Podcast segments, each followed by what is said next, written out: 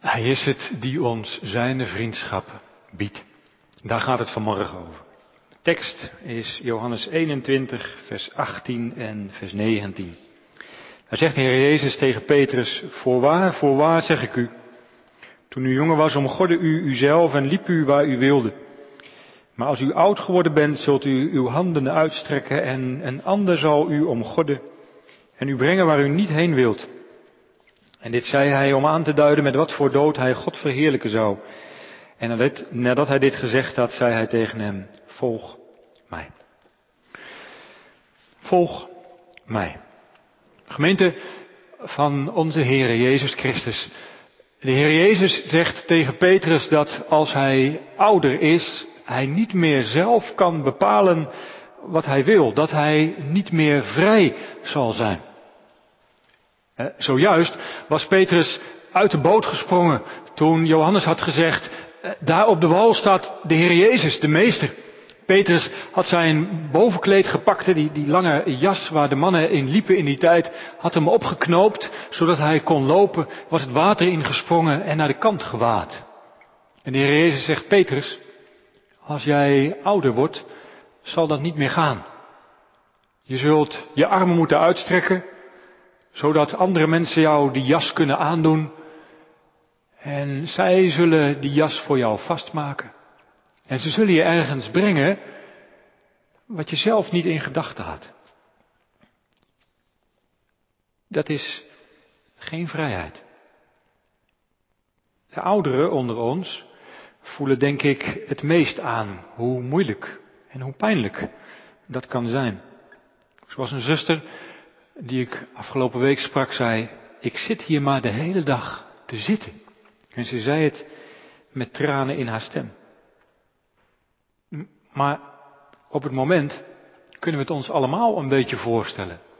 Niet kunnen doen wat je eigenlijk graag wilt. Het advies is, blijf binnen, houd afstand. En dat heeft mooie kanten, maar het is heel vaak ook wel ingewikkeld. Maar er staat nog iets achteraan als Jezus tegen Petrus heeft gezegd dat hij eh, door anderen geleid zal worden. Dan, dan zegt Johannes, degene die dit boek schrijft, erachteraan, ja maar dat betekent dat Jezus duidelijk aan het maken is met wat voor dood Petrus zal, zal sterven. Met welke dood hij God zal verheerlijken. Dat is heftig. De Heer Jezus voorspelt hier de dood van Petrus. En hij voorspelt dat andere mensen hem zullen pakken. En uit latere eeuwen zijn verhalen dat Petrus is gekruisigd. We weten niet of dat waar is. Maar er zijn wel mensen die dat verbinden met eh, u zult uw handen uitstrekken. En dan is het het uitstrekken van het kruis. Nou, hoe dan ook, hij zal worden vastgepakt, vastgebonden en gedood. Maar als je dat van tevoren weet. Als, als iemand nu tegen u of tegen jou zegt, Jij zult over een poosje worden vastgebonden, je handen bij elkaar en ze zullen je ergens brengen waar je niet naartoe wilt en je zult gedood worden. Dat is toch vreselijk? De rest van je leven loop je met dat beeld voor ogen. Petrus krijgt een taak van de Heer Jezus, hebben we gelezen. De Heer Jezus zegt, hoed mijn schapen. Petrus, ga voor mijn leerlingen zorgen, voor mijn kerk. Maar hij weet dat die taak de rest van zijn leven ervoor zal zorgen dat hij op een gruwelijke manier zal sterven. Is dit een stukje in de Bijbel wat alleen maar gaat over Petrus? Of gaat het ook over ons? Hoort dat ook bij het geloof? Dat God tegen ons zegt dat wij op een bepaalde manier gaan sterven? Vrijheid en geloof. Dat zijn twee woorden die heel veel mensen niet aan elkaar verbinden. En daarom vanmorgen dat woordje vrijheid centraal. En jongens en meisjes, afgelopen week vierden we dat we 75 jaar geleden bevrijd zijn van de Duitse overheersing. Wij zijn vrij. Maar alle evenementen waren die 5 mei afgelast. Dus zo vrij waren we weer niet. Want er was een bevel van de overheid. Blijf thuis. Ga niet feesten. En jongens en meisjes, wij zijn 75 jaar geleden bevrijd van de Duitsers. Maar voelen jullie je op dit moment vrij? Het zou heel goed kunnen dat papa of mama twee minuten geleden tegen jullie heeft gezegd, stil blijven zitten op de bank, want hij gaat preken. En dan voel je je helemaal niet vrij. Want misschien wil je eigenlijk wel liever lopen in plaats van naar mij luisteren. We zijn bevrijd, maar we voelen ons toch niet vrij. Stilzitten is niet leuk. Maar ik heb vanmorgen een hele mooie boodschap voor jullie. En ik wil afsluiten met een verhaal uit de oorlog. Om te begrijpen wat de Heer Jezus hier nou tegen Petrus zegt en wat dat betekent, dat Petrus weet dat hij zal gaan sterven, eh, moeten we even terug naar wat er aan de hand is. Petrus en de Heer Jezus lopen samen langs de oever van het meer van Galilea. En de andere discipelen lopen achter hen of voor hen. Johannes die loopt erachter, lezen we strakjes. En Jezus heeft Petrus zijn zonde vergeven. Dat, dat is net gebeurd. En dat betekent niet alleen dat Jezus weer leeft en dat het goed is tussen hem en Petrus. Het betekent nog veel meer. Vergeving is niet alleen maar dat God zegt, ik ben niet meer boos. En ik ben er nog. Nee, de Heer Jezus zegt tegen Petrus, volg mij. Maar dat zijn toch rare woorden. Want, want Jezus is opgestaan uit de dood. In het eeuwige leven.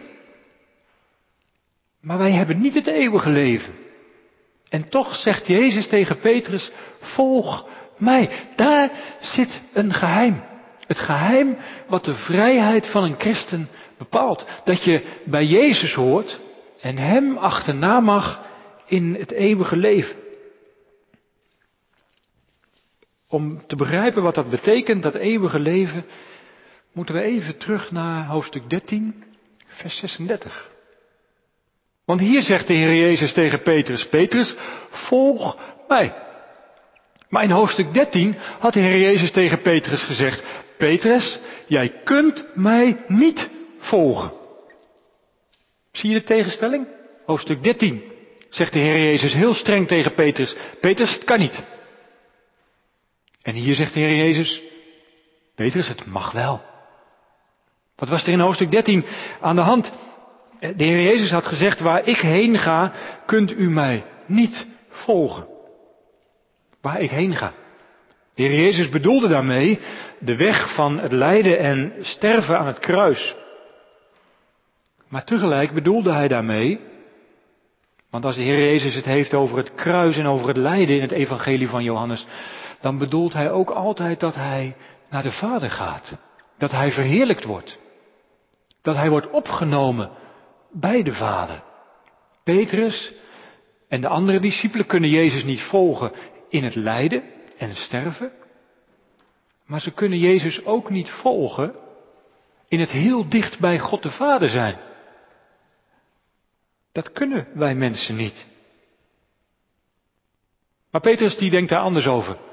Petrus zei tegen hem, Heere, waarom kan ik u niet volgen? Mijn leven zal ik voor u geven. O zeker, ik wil wel voor u sterven. Maar wat had hij daarin gefaald? Hij was niet met Jezus meegegaan toen hij gevangen werd genomen. Hij had uiteindelijk zijn vriend en meester driemaal verlogend. Ontkend dat hij iets met Jezus te maken had. U kunt mij niet volgen, had Jezus gezegd.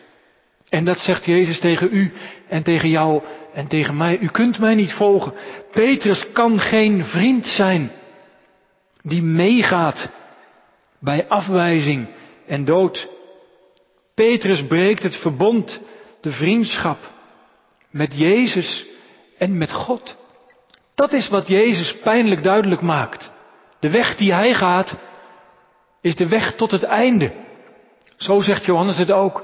Toen Jezus zijn discipelen lief had, had hij hen lief tot het einde.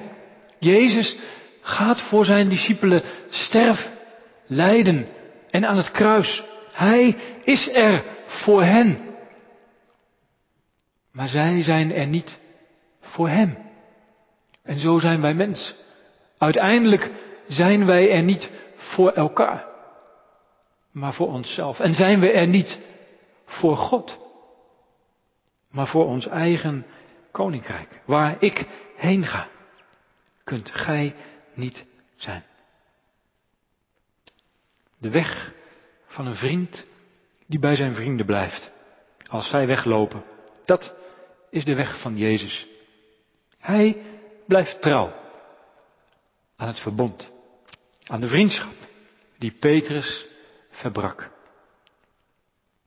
En die Jezus loopt naast Petrus.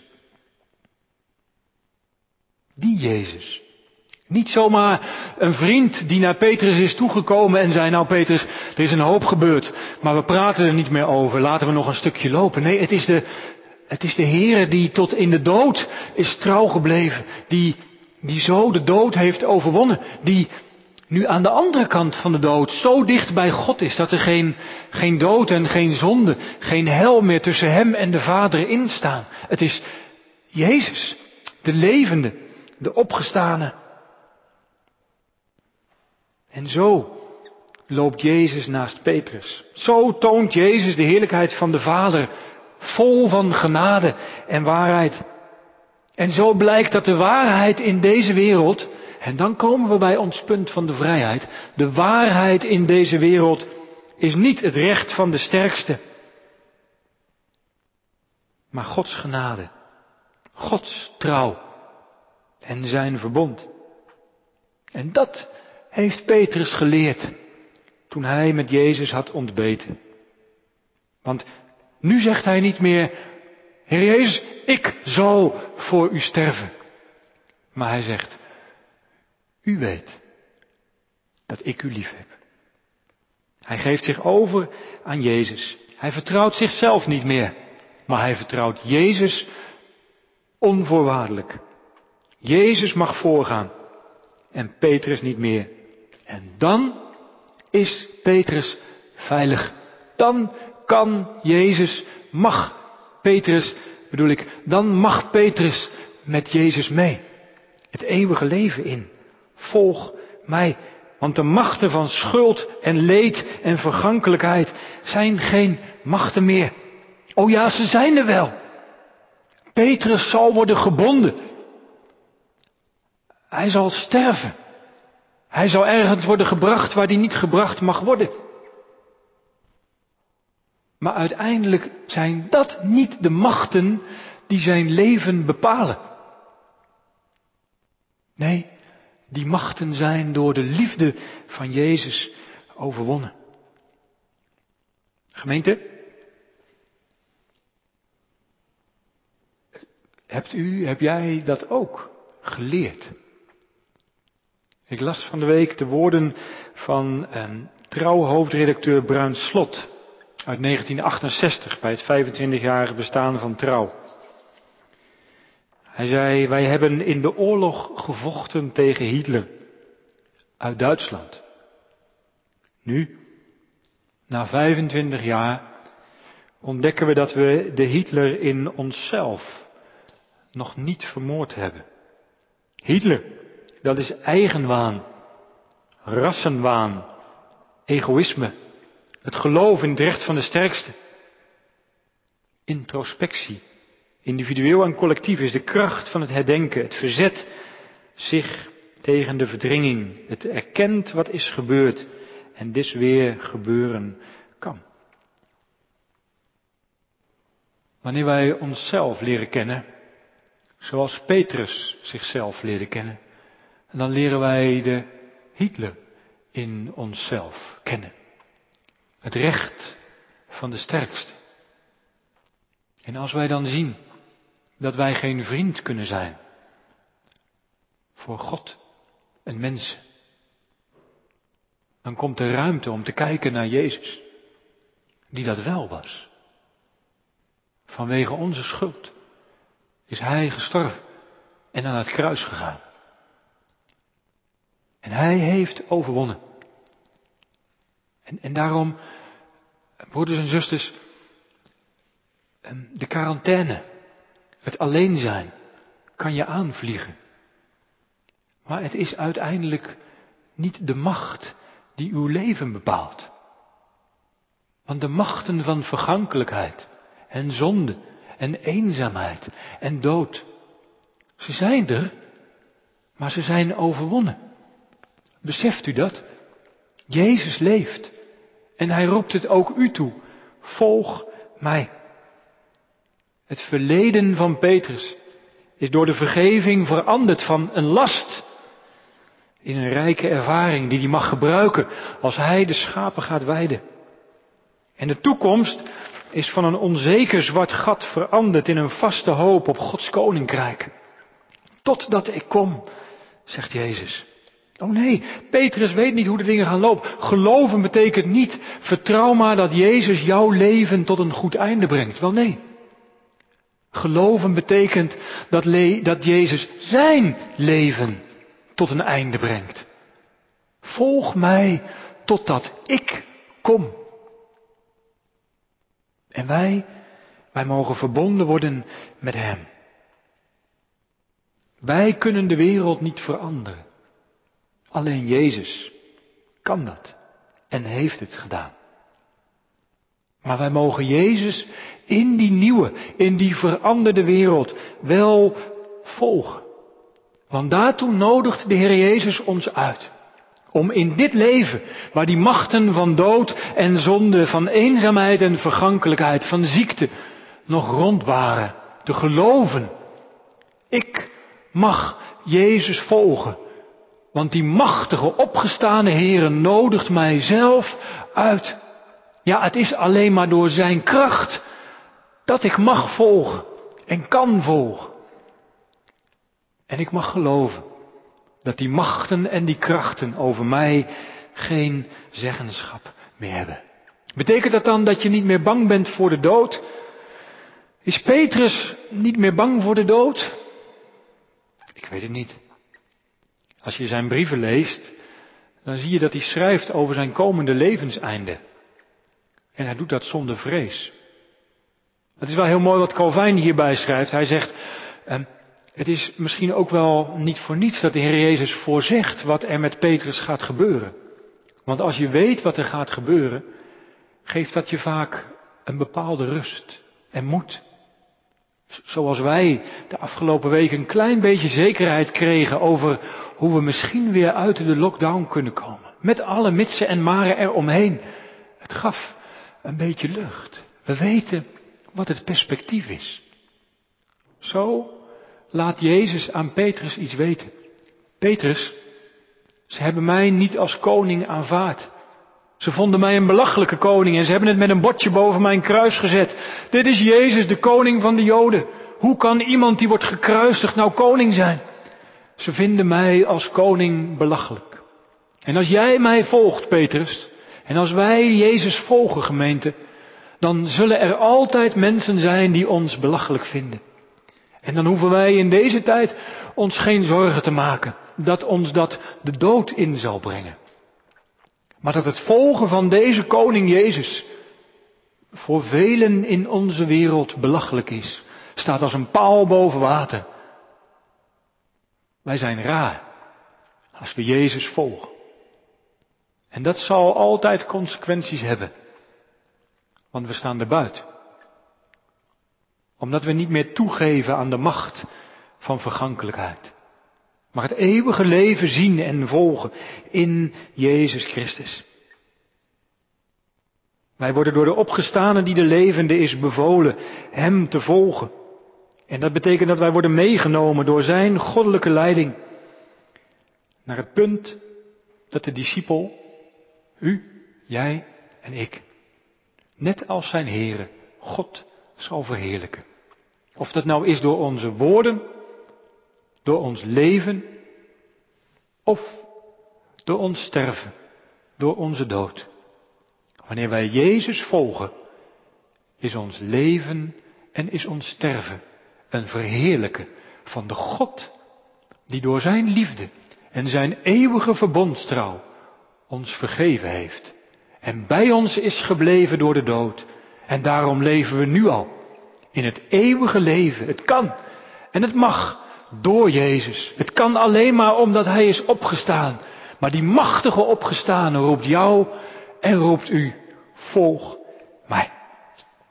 Jongens en meisjes, om die hele preek nog even samen te vatten, wil ik jullie iets vertellen. Als het goed is, zien jullie een plaatje. Een plaatje van, ja, wat is het eigenlijk? Weten jullie wat het is?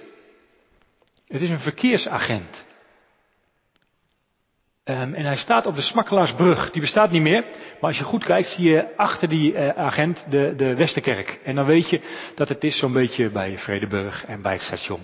Nou, die agent, um, die heet Jan Vernooy. En hij regelt het verkeer op de Smakkelaarsbrug en die foto komt uit 1941. Maar die, die agent die jullie zien, die woonde vlak bij de kerk. Net achter de Majella-kerk. In de Van Meurstraat. En twee jaar nadat deze foto is gemaakt, moest Jan onderduiken. Waarom? Nou, in 1943 werden vanaf het Centraal Station heel veel Joden afgevoerd richting Westerbork en verder naar de kampen, Auschwitz. En de politieagenten van Utrecht mochten meehelpen om de Joden uit hun huizen te halen en ze naar het station te brengen. Dat was op vrijwillige basis. En, en Jan van Nooy die vertelde later dat hem door diverse collega's was aangeraden om dat ook te doen. Jan, doe dat. Want je kreeg een premie en als je je ging opgeven, dan vroegen ze altijd, hoeveel monden heb je te voeden? En Jan kon vertellen, ik heb een vrouw en zeven kinderen. En dan kreeg je negen dik belegde boterhammen mee naar huis. In 1943. Dat was geweldig. Maar Jan ging naar de kerk. De Majella-kerk. En op 21 februari 1943 werd daar een brief voorgelezen van de aartsbisschop. En daarin stonden deze woorden. Wel nu, om alle twijfel en onzekerheid omtrent dit punt, het wegvoeren van de Joden, bij u weg te nemen, verklaren wij met alle nadruk dat medewerking in deze in geweten ongeoorloofd is. En mocht het weigeren van medewerking offers van u vragen, wees dan sterk en standvastig in het besef dat gij voor God en de mensen uw plicht doet. Dat was duidelijk. De aartsbisschop, de kerk had gezegd, het is uw plicht voor God en de mensen om te weigeren deze Joden af te voeren. En een aantal dagen later ging Jan met een paar collega's naar de commissaris van de politie hier in Utrecht. En hij vertelde dat hij nooit vrijwillig of verplicht mee zou doen met het wegvoeren, het deporteren van Joden.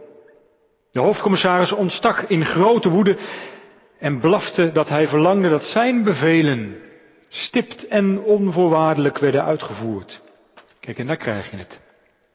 De commissaris eist dat zijn bevelen werden uitgevoerd.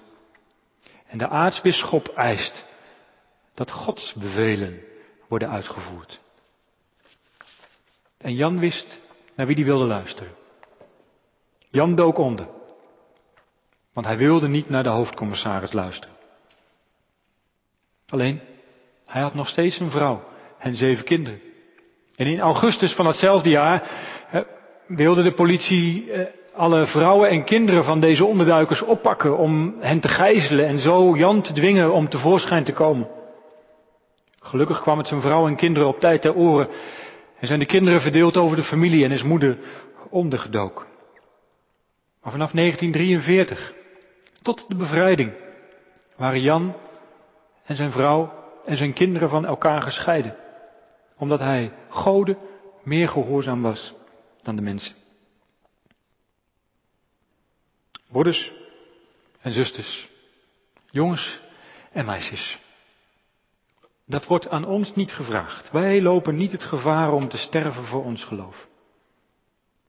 Wij weten wel wat het betekent om thuis te moeten blijven. En we worden in die zin beproefd dat leed, vergankelijkheid en dood ons het levensgeluk proberen te ontnemen.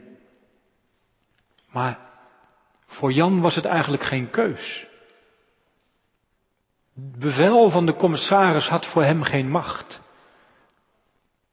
En zo heeft voor ons de macht van vergankelijkheid, van dood en van het recht van de sterkste geen macht meer. Daarin ligt onze vrijheid. Dat we niet meer onderworpen zijn aan zonde, dood en het recht van de sterkste. De opgestane Jezus loopt met ons mee vanmorgen door zijn woord. En hij vergunt het ons om met hem te mogen leven. Hij roept het u en jou toe. Volg mij. Hij vergunt het ons met hem te mogen leven en met hem te sterven. Amen.